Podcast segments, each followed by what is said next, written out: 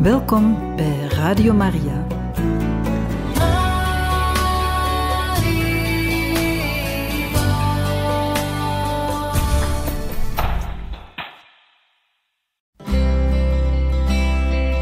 Welkom bij Boekat, een programma van Radio Maria.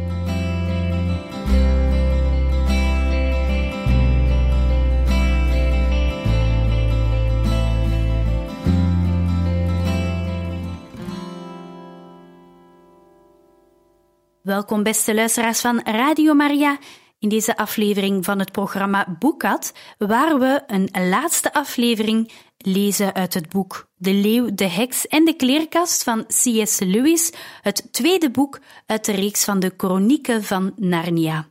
We lezen vandaag dus het laatste deel van dit boek. Veel luisterplezier. De Chronieken van Narnia, geschreven door C.S. Lewis en vertaald door Madeleine van den Bovenkamp Gordeau en uitgegeven door uitgeverij Kok in Kampen. Boek 2 De Leeuw, de Heks en de Kleerkast. Hoofdstuk 16 Hé, hey, riep Lucie, wat bijzonder. Al die stenen dieren die hier staan. En allerlei andere wezens ook nog. Het lijkt wel, het lijkt wel een museum. Sst, zei Suzanne. Aslan is ergens mee bezig. En dat was hij zeker. Hij was naar de leeuw van steen toegesprongen en blies zijn adem tegen de leeuw aan.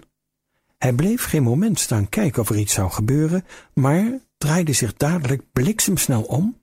Het leek wel een kat die achter zijn eigen staart aanzit en blies zijn adem ook tegen de stenen dwerg. Die stond, zoals je nog wel weet, een klein eindje verderop, met zijn rug naar de leeuw toe. Toen schoot hij op een lange stenen driade af, die vlak bij de dwerg stond, draaide zich snel opzij om tegen een stenen konijn te blazen dat rechts van hem stond en rende toen door naar twee centauren. Maar op dat moment zei Lucie, O, Suzanne, kijk eens, moet je die leeuw zien? Ik neem aan dat je wel eens iemand een brandende lucifer bij een prop kranten in een open haard hebt zien houden. Eerst lijkt het even alsof er niets gebeurt. En dan zie je een heel klein vlammetje langzaam langs de randen van het krantenpapier kruipen. Zo was het nu ook. Even leek het alsof er niets veranderd was aan de stenen leeuw toen Aslan tegen hem aangeademd had. Maar toen kroop er heel langzaam een klein streepje goud over zijn witmarmeren rug. Het vloeide steeds verder uit. Daarna leek de kleur zich door zijn hele lichaam te verspreiden als vlammetjes door het krantenpapier. En toen, terwijl zijn achterkant nog duidelijk van steen was, schudde de leeuw zijn manen. En al die zware stenen ribbels golfden naar beneden als lokken levend haar. Toen sperde hij zijn reusachtige, warme, rode muil wagenwijd open en gaapte hardgrondig. En nu waren ook zijn achterpoten tot leven gekomen. Hij tilde er een op om zich te krabben. Toen viel zijn oog op Aslan, en met soepele sprongen draafde hij hem achterna en begon uitgelaten om hem heen te dansen. Hij maakte geluidjes van blijdschap en sprong op om zijn gezicht te likken.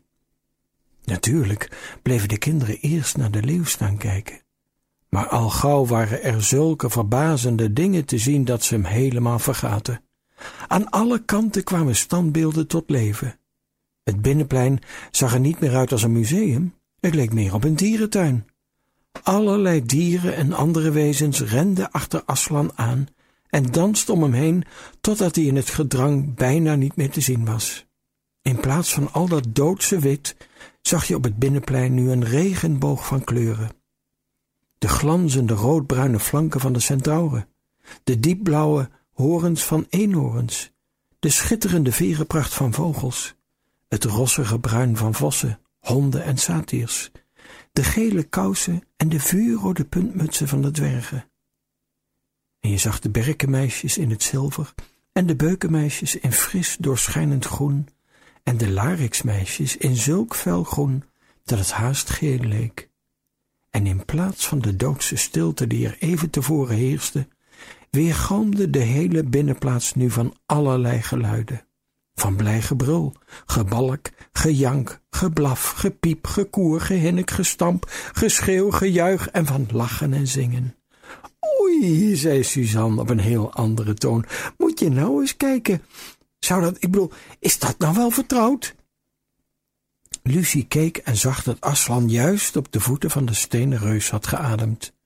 Maak je maar geen zorgen, riep Aslan vrolijk. Als de voeten maar eenmaal goed zijn, komt de rest er vanzelf wel achteraan.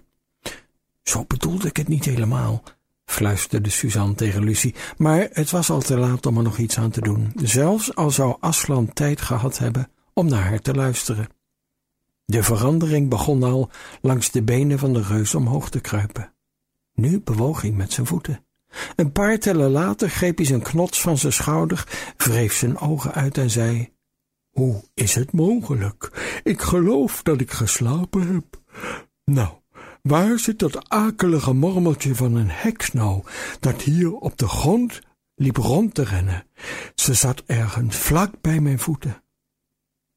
Maar toen ze eenmaal met z'n allen naar boven geschreeuwd hadden om hem te vertellen wat er precies gebeurd was, en toen de reus zijn hand aan zijn oor had gehouden en hen alles nog een keer had laten vertellen, zodat, hij het tenslotte eindelijk verstond, toen boog hij zo diep dat zijn hoofd niet hoger meer was dan het dak van een flinke hooiberg. Hij tikte telkens weer voor Aslan met zijn hand aan zijn pet, en heel zijn lelijke, eerlijke gezicht straalde. Reuzen zijn bij ons tegenwoordig zo zeldzaam, en je komt maar zo weinig vriendelijke reuzen tegen, dat het me zou verbazen als je ooit een reus met een stralend gezicht gezien had. Maar het is beslist de moeite waard om dat eens gezien te hebben. En nu het kasteel in, zei Aslan. Vooruit, opschieten allemaal. Zoeken, zoeken in alle hoeken. Trap op, trap af. Geen plekje overslaan. Je weet maar nooit of niet hier of daar nog een arme gevangene zit weggemoffeld. En zo holden ze allemaal het huis in, en een minuut of wat weergalmde dat hele nare, donkere, muffe oude kasteel van het geluid van ramen die werden opengegooid, en van stemmen die allemaal door elkaar riepen. Vergeet de kerkers niet! Help eens even met die deur hier. Hier is alweer een wenteltrapje. Oh, moet je hier nou eens kijken, zeg. Wat zielig. Een kangoeroe. Roep Aslan eens. Bah, wat stinkt het hier binnen, zeg. Pas op voor valluiken, hoor. Kom eens boven kijken. Hier op de overloop staan er nog veel meer. Maar het allermooiste was wel het moment dat Lucie naar boven kwam rennen en riep: Aslan, Aslan, kom gauw, ik heb meneer Tumnus gevonden. En even later hielden Lucie en de kleine faun elkaar stevig vast bij beide handen en dansten in het rond van blijdschap. De faun had er niets aan overgehouden dat hij een standbeeld geweest was. Hij luisterde natuurlijk aandachtig naar alles wat Lucie hem te vertellen had. Maar tenslotte hadden ze het hele fort van de heks uitgekampt. Het kasteel was helemaal leeg en alle ramen en deuren stonden wijd open om het licht en de zachte lentelucht in al die donkere, naargeestige hoeken en gaten naar binnen te laten stromen. En dat was hard nodig. Alle bevrijde standbeelden dromden terug naar de binnenplaats. En toen pas zei iemand, ik geloof dat het Tumnus was, voor het eerst, maar hoe komen we hier nu uit? Want Aslan was met een enorme sprong over de muur gesprongen toen hij naar binnen kwam maar de poorten zaten nog steeds op slot. Dat komt wel in orde, zei Aslan, en hij ging op zijn achterpoten staan en begon uit alle macht omhoog te brullen tegen de reus. O, zeg jij daarboven, bulderde hij, hoe heet je? Reus Rumbelbuffen, met uw welnemen, edelachtbare, zei de reus, en hij tikte weer tegen zijn bed. Goed, reus Rumbel Buffin dan, zei Aslan, laat jij ons hier even uit? Zeker, edelachtbare, met alle plezier, zei reus Rumbel Buffin. Passen jullie op, daar beneden. Niet te dicht bij de poorten gaan staan. Toen liep hij zelf met grote passen naar de poort toe en bom, bom, bom ging zijn geweldige knots. Bij de eerste dreun begonnen de poorten te kraken. Bij de tweede kwamen er barsten in en bij de derde begonnen ze te schudden. Toen nam hij de beide torens aan allebei de zijkanten van de poort onder handen. Na een paar minuten stampen en dreunen stortten de beide torens met aan allebei de kanten ook nog een heel stuk muur met donderend geraas in elkaar. Er bleef alleen een berg puin van over. En toen het stof was opgetrokken, gaf het hun, terwijl ze op dat dorre, sombere stenen plein stonden, een vreemd gevoel, toen ze door het gat in de muur het bos zagen, met al dat gras en die wuivende bomen en glinsterende riviertjes, en daarachter de blauwe heuvels. En daar weer achter de lucht. Nou, nou, ik zweet ervan als een otter, zei de reus, en hij hijgde en pufte als een volwassen stoomlocomotief. Dat krijg je als je niet meer in vorm bent. De jonge dames hebben zeker geen van beiden een zakdoekje voor me te leen. Jawel, ik wel, zei Lucie. Ze ging op haar tenen staan en stak haar zakdoek zo hoog als ze kon in de lucht. Dank u wel, jonge juffrouw, zei reus Rumblebuffin en hij boog zich voorover. En toen schrok Lucie zich wild, want ineens voelde ze dat ze opgetild werd en zweefde ze hoog in de lucht tussen de duim en de wijsvinger van de reus. Maar juist toen ze zijn gezicht op zich af zag komen, schrok hij blijkbaar zelf ook. Hij zette haar gauw weer voorzichtig op de grond en mompelde verbaasd. Kijk nou toch, ik heb bij vergissing die kleine meid opgeraapt. Neem me alstublieft niet kwalijk, juffie. Ik dacht even dat u zelf de zakdoek was. Nee, nee, zei Lucie lachend, hier is die. Deze keer lukte het hem om de zakdoek aan te pakken, maar voor hem was die niet veel groter dan een zoetstoftabletje voor jou is. Dus toen zij er heel ernstig mee over zijn grote rode gezicht heen en weer zag vegen, zei ze, Ik ben bang dat u er niet veel aan hebt, meneer Rumblebuffin. Ben je mal, het gaat best, zei de reus beleefd. Het is de fijnste zakdoek die ik ooit ben tegengekomen. Zo zacht en zo handig. Ik weet gewoon niet hoe ik het zeggen moet. Wat een aardige reus is dat, zei Lucie tegen meneer Tummes. Jazeker, antwoordde de faun. Zo zijn de Buffins altijd geweest. Het is een van de voornaamste reuzenfamilies van Narnia. Ze zijn misschien wel niet zo slim. Ik heb trouwens nog nooit gehoord van een reus die dat wel was. Maar het is al een heel oud geslacht. Ze hebben uitstekende manieren, begrijp je? Trouwens, als hij van de verkeerde soort was geweest, had ze hem vast nooit in steen veranderd. Op dat moment klapte Aslan in zijn voorpoten en vroeg om stilte. De werktijd is nog niet afgelopen voor ons, zei hij. En als we nog voor bedtijd met die heks willen afrekenen, moeten we dadelijk gaan kijken waar ze aan het vechten zijn. En meevechten, hoop ik, sire, voegde de grootste centaur eraan toe. Dat spreekt vanzelf, zei Aslan. Daar gaan we dan. Degenen die niet zo vlug kunnen, dat wil zeggen kinderen, dwergen en kleinere dieren, moeten meerijden op de rug van diegenen die harder kunnen lopen, van leeuwen, centauren, eenhoorns, paarden, reuzen en aardelaars. Iedereen die een goede neus heeft, moet met ons leeuwen voorop lopen om het spoor te zoeken dat ons naar het slagveld brengt. Vooruit, opschieten allemaal. Zoek je plaatsen op. En zo gebeurde het. Er werd intussen druk geroezemoest en vrolijk gejuicht en gezongen. Het meest in zijn sas was de andere leeuw, die voortdurend van de een naar de andere rende alsof hij het vreselijk druk had. Maar in werkelijkheid deed hij dat om tegen iedereen die het maar horen wilde te kunnen zeggen: Hoorde je wel wat hij zei? Ons leeuwen. Dat betekent hij en ik, ons leeuwen. Dat vind ik nou zo mooi van Aslan. Helemaal niet uit de hoogte. Helemaal geen gewichtig doenerij. Ons leeuwen. Daar bedoelt hij hem en mij mee. Tenminste, dat bleef hij net zo lang tegen iedereen zeggen, totdat Aslan zijn rug had volgepakt met drie dwergen, een driade, twee konijnen en een egel. Daar kalmeerde hij een beetje van. Toen ze allemaal klaar waren, een grote schapendoes hielp Aslan eigenlijk nog het beste door ze allemaal soort bij soort te zetten, gingen ze op weg door het gat in de kasteelmuur. In het begin liepen de leeuwen en de honden alle kanten op te snuffelen, maar toen had een grote jachthond ineens het spoor te pakken en hij blafte een waarschuwing. Daarna werd er geen tijd meer verknoeid. Al gauw liepen alle honden en leeuwen en wolven en andere dieren die gewend waren te jagen, razendsnel met hun neus langs de grond en alle anderen renden er verspreid over een afstand van meer dan een halve kilometer achteraan zo hard ze konden.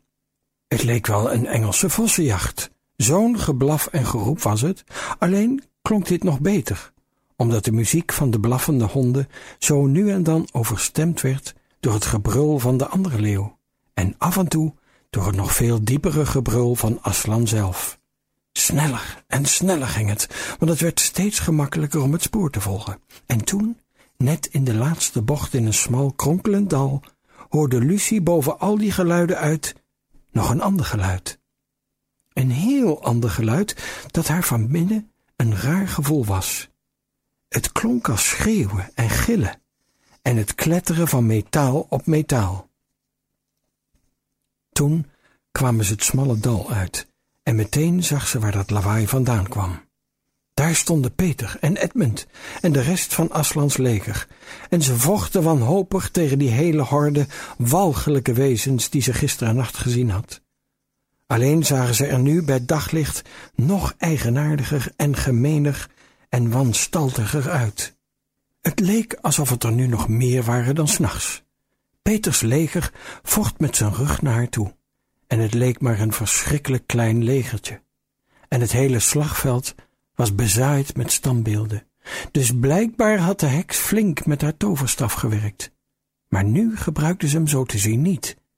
Ze vocht met haar stenen mes, en degene die ze daarmee te lijf probeerde te gaan, was Peter. En ze vochten allebei zo fel dat Lucie haast niet kon zien wat er precies gebeurde. Het enige wat ze zag was het stenen mes en Peters zwaard, die alle twee zo snel heen en weer flitsten dat het wel drie messen en drie zwaarden leken. Peter en de heks stonden midden op het slagveld. Aan weerskanten strekte de rij van vechtenden zich uit. En overal waar ze keek, gebeurden de afschuwelijkste dingen. Van mijn rug af, kinderen, riep Aslan, en ze lieten zich allebei naar beneden glijden. Toen brulde de grote leeuw zo hard dat heel Narnia, vanaf de lantaarnpaal in het westen tot aan de kusten van de zee in het oosten ervan sidderde en stortte zich op de witte heks. Lucie zag hoe ze één seconde lang naar hem opkeek, met een uitdrukking van stomme verbazing en doodsangst op haar gezicht. Toen rolden de leeuw en de heks samen over de grond, maar de heks lag onder. Op hetzelfde moment stormden alle strijdbare wezens die Aslan had meegebracht uit het kasteel van de heks woest op de vijand in. De dwergen met hun strijdbijlen, de honden met hun tanden, de reus met zijn knots, en zijn voeten verpletterden ook nog eens tientallen vijanden. De eenhoorns met hun horens, de centauren met hun hoeven en met zwaarden. En het uitgeputte legertje van Peter begon te juichen, en de nieuwkomers schreeuwden, en de vijanden gilden en jammerden, en gingen tekeer totdat het hele bos weergalmde van het tumult van de strijd.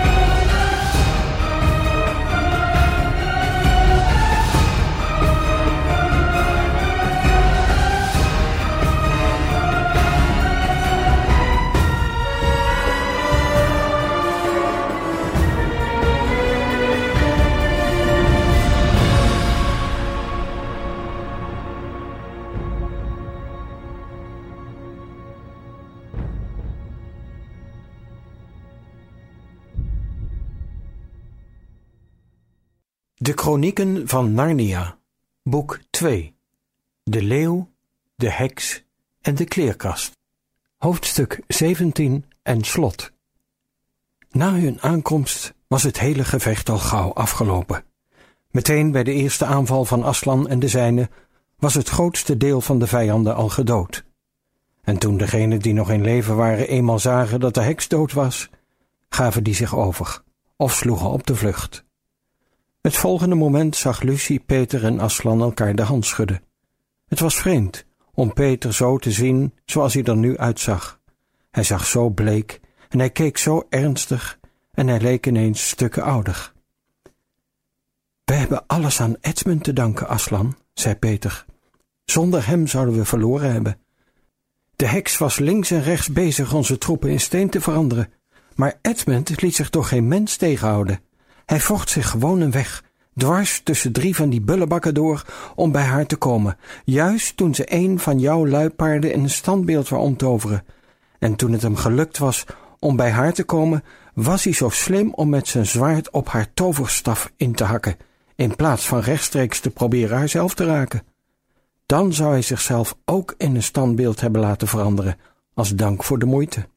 Dat was de fout die de anderen allemaal maakten. Toen haar toverstaf maar eenmaal kapot was, kregen we weer een beetje meer kans. Maar jammer genoeg waren we al veel van ons leger kwijtgeraakt. Edmund is zwaar gewond geraakt. We moeten nodig gaan kijken hoe het met hem is. Ze vonden Edmund een eindje achter de lijn waar ze gevochten hadden, onder de hoede van mevrouw Bever. Hij zat onder het bloed. Zijn mond stond een beetje open en zijn gezicht had een akelige groene kleur. Vlug, Lucie, zei Aslan, en toen herinnerde Lucie zich bijna voor de allereerste keer het kostbare drankje dat ze als kerstcadeau had gekregen. Haar handen trilden zo dat ze de dop eerst niet van het flesje kon krijgen, maar tenslotte kreeg ze het toch voor elkaar. Ze goot een paar druppels van het drankje in de mond van haar broer. Er zijn nog meer gewonden, zei Aslan, toen ze gespannen naar Edmunds bleke gezicht bleef staan kijken en zich afvroeg of het drankje wel zou werken. Ja, dat weet ik wel, zei Lucie kribbig. Wacht even. Dochter van Eva, zei Aslan nu heel ernstig. Er zijn meer mensen en dieren zwaar gewond. Moeten er nog meer doodgaan, terwille van Edmund? Spijt me, Aslan, zei Lucie. Ze stond op en ging met hem mee. Het volgende half uur hadden ze het heel druk. Lucie zorgde voor de gewonden, terwijl Aslan degene die in steen veranderd waren, weer beter maakte. Toen ze eindelijk klaar was en weer naar Edmund kon gaan kijken, zag ze dat hij alweer overeind stond. En dat hij niet alleen genezen was van zijn wonden, maar dat hij er zelfs nog beter uitzag dan eerst. Oh, beter dan hij een lange tijd gedaan had. Lucie wist niet in hoe lang wel niet. Zo goed had hij er eigenlijk nooit meer uitgezien sinds hij op die afschuwelijke school zat, waar het langzamerhand misgegaan was met hem. Nu was hij weer helemaal de oude Edmund en kon hij je weer recht in de ogen kijken. En daar op het slagveld sloeg Aslan ook hem tot ridder.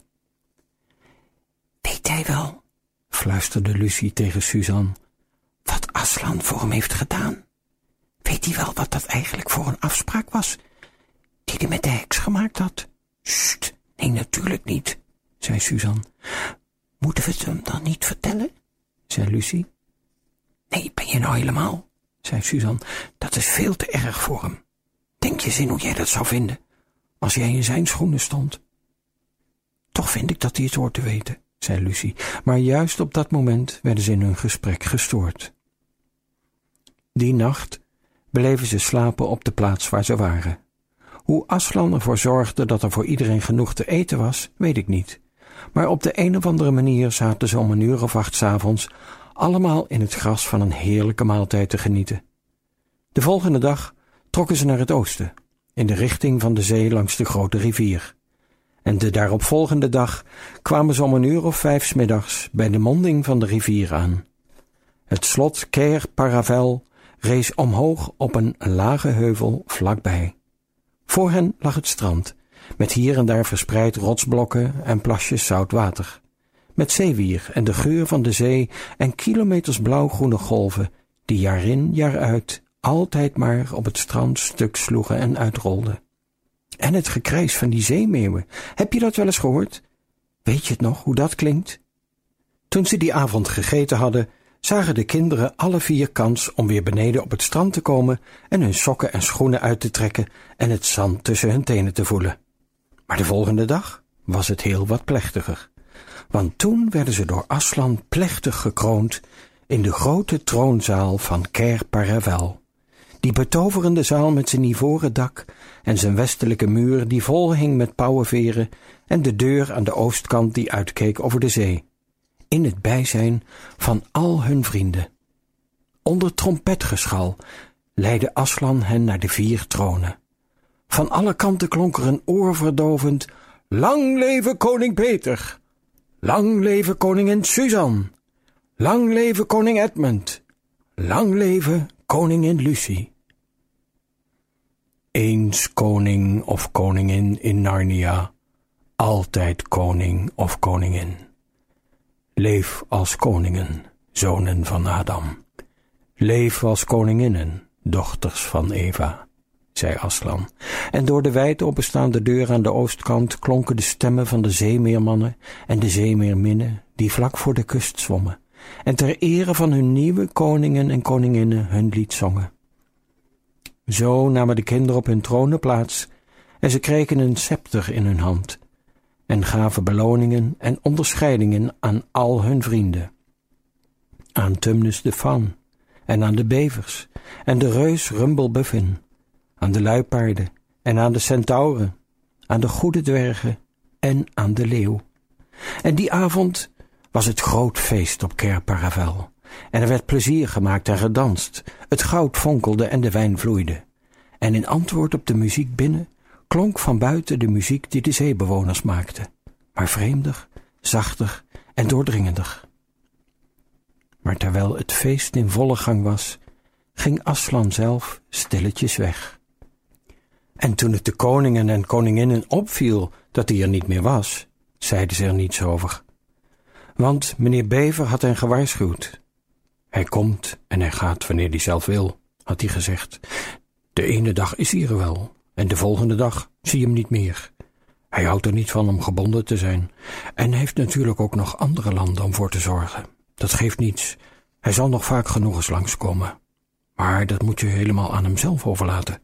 Hij is een wild dier, zie je. Hij is geen tamme leeuw.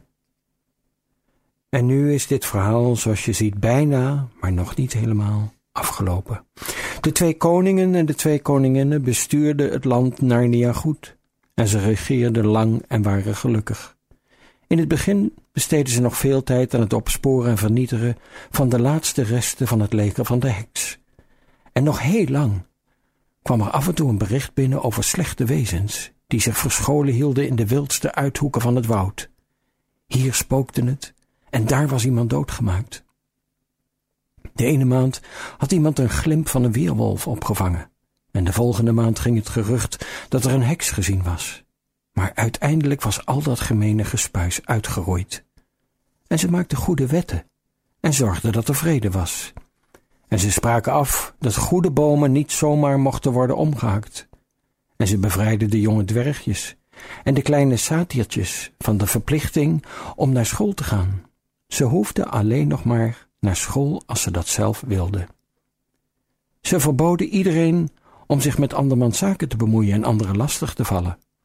En ze hielpen gewone lieden die wilden leven en laten leven. En de gevaarlijke reuzen, een heel ander soort dan de reus Rumblebuffin, verjaagden ze uit het noorden van Narnia toen die zich eens over de grens waagde. En ze sloten vriendschap en bondgenootschappen met landen over zee en brachten er staatsbezoeken en ontvingen staatsbezoeken van hen. En zelf groeiden ze en veranderden ze naarmate de jaren voorbij gingen. Peter werd een lange, breedgeschouderde man en een grote krijger. Hij werd koning Peter de Grote genoemd. En Suzanne groeide op tot een mooie, slanke vrouw met gitzwart haar dat bijna tot op haar enkels neergolfde. De koningen van de landen aan de andere kant van de zee begonnen hun ambassadeurs te sturen om haar ten huwelijk te vragen. En zij werd Suzanne de Goede genoemd. Edmund was ernstiger en rustiger dan Peter en was een wijs raadgever en rechter. Hij werd koning Edmund de rechtvaardige genoemd. Maar wat Lucie betreft, die bleef altijd vrolijk en ze hield altijd haar gouden lokken en alle prinsen in de omgeving van Narnia wilden haar graag als koningin aan hun zijde hebben. Haar eigen volk noemde haar koningin Lucie de Dappere. Zo leefde ze heel gelukkig, en als ze al ooit aan hun leven in deze wereld dachten, dan was het maar een hele vage herinnering, zoals je je een droom herinnert. En het gebeurde in een zeker jaar dat Tumnus, die intussen al een faun van middelbare leeftijd was en die al een beetje een buikje begon te krijgen, de rivier afkwam naar de kust. Hij bracht het nieuws dat het witte hecht weer gezien was in de streek waar hij woonde. Het witte hecht, dat wensen kon vervullen als je het wist te vangen.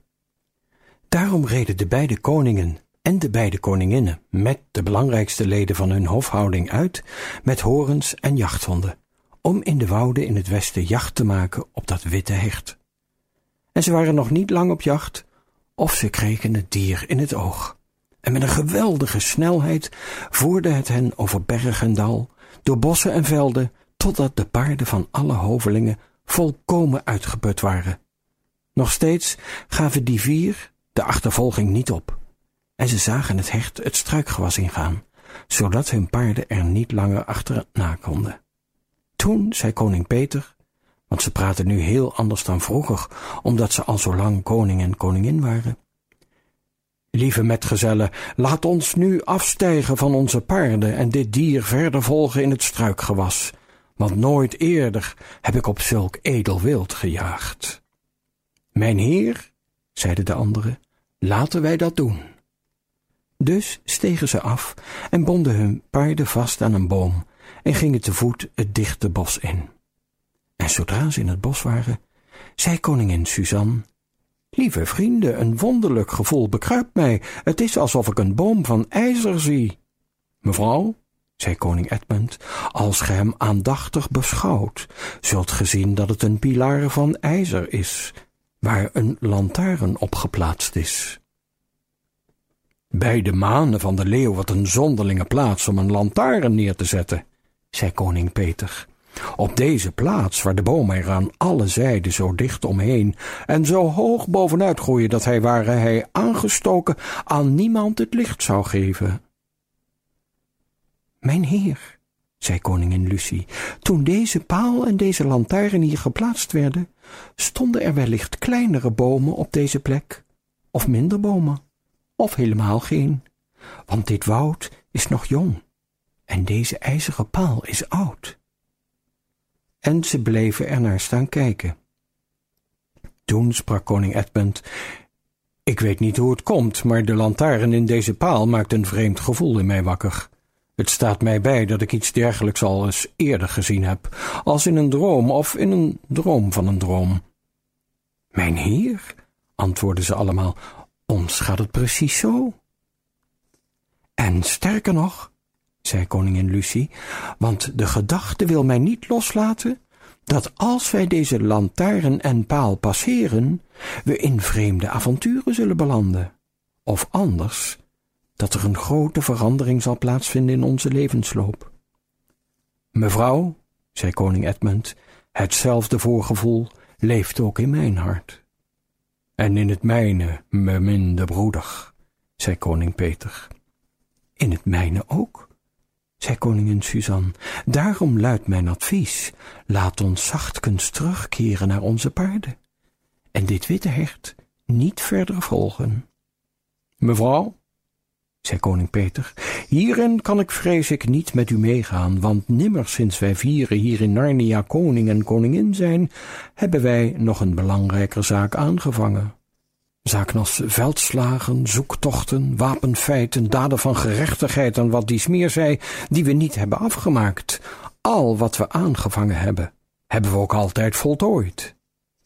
Zuster, zei koningin Lucie, mijn koninklijke broeder heeft gelijk en mij dunkt dat het een schande zou zijn als we ons door vrees of boze voorgevoelens van de jacht op zo'n edel dier als het hecht dat we nu volgen zouden laten afhouden. Daar ben ik het mee eens, zei koning Edmund, en ik wens zozeer de betekenis hiervan te ontdekken, dat ik nog voor de grootste diamant in heel Narnia en op alle eilanden niet uit vrije wil zou terugkeren. Als ge het dan allen zo wilt, zei koningin Suzanne, laat ons dan voortgaan in de naam van Aslan en zien welke avonturen ons te wachten staan. En zo stapten die koningen en koninginnen in het struikgewas, en voor ze twintig stappen gelopen hadden, herinnerden ze zich allemaal weer dat het ding dat ze gezien hadden lantaarnpaal heette. En voordat ze nog eens twintig stappen verder waren, merkten ze dat ze zich niet langer een weg liepen te banen tussen takken, maar tussen jassen door.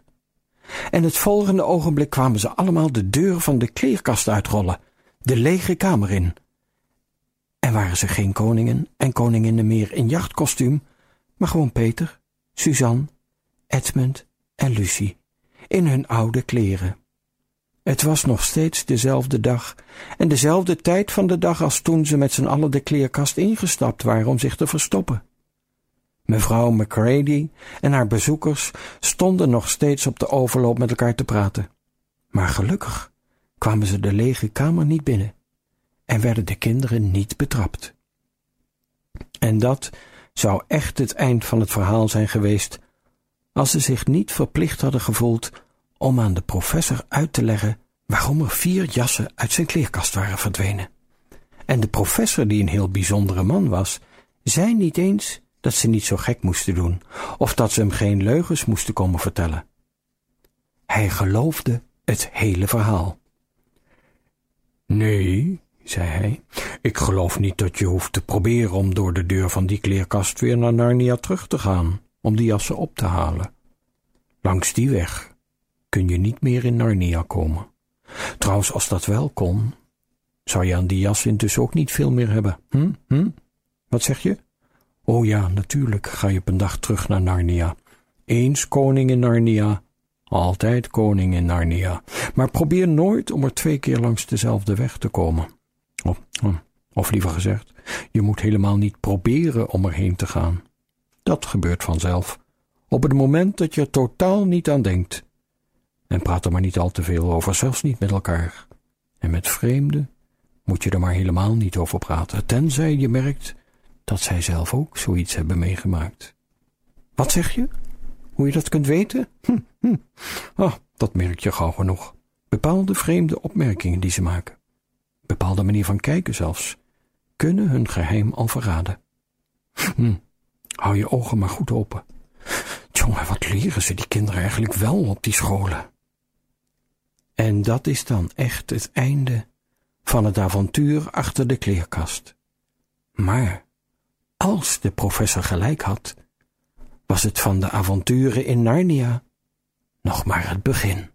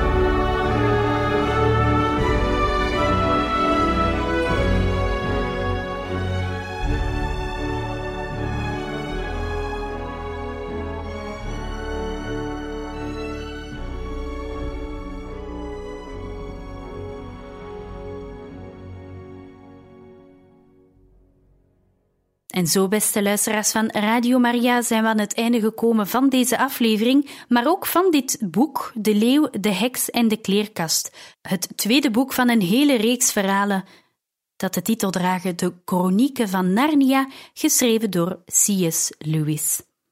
In de volgende aflevering starten we een nieuw boek.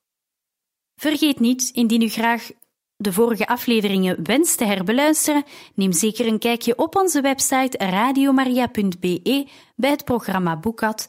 U kan trouwens ook al deze afleveringen herbeluisteren via podcast. In een volgende aflevering van dit programma zullen we een nieuw boek beginnen. Tot dan!